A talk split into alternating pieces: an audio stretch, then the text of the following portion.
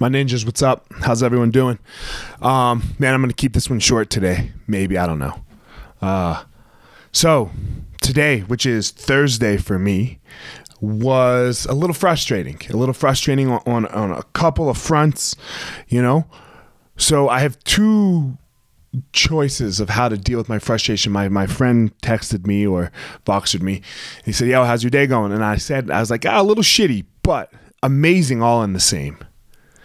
Because all of my frustration that was for today, all, uh, everything that frustrated me today, is now going to make tomorrow better right? I'm gonna i'm gonna use all of all of the frustration from today to make sure that tomorrow is going to be better. When i do things a little less skillfully in my day and it's all me doing things less skillfully let's be super clear.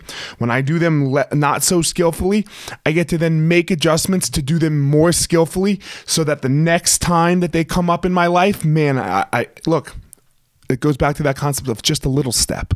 It doesn't have to be a big step. I don't have to I don't have to do them perfectly tomorrow. I don't have to do them perfectly on Saturday or a month from now or a week from now, just more skillfully. So that when you're having those days, when you're having one of those days, say thank you for that day. Say thank you for that day, grasp, grasp that day, and know that tomorrow will be better because of the day. Find your power.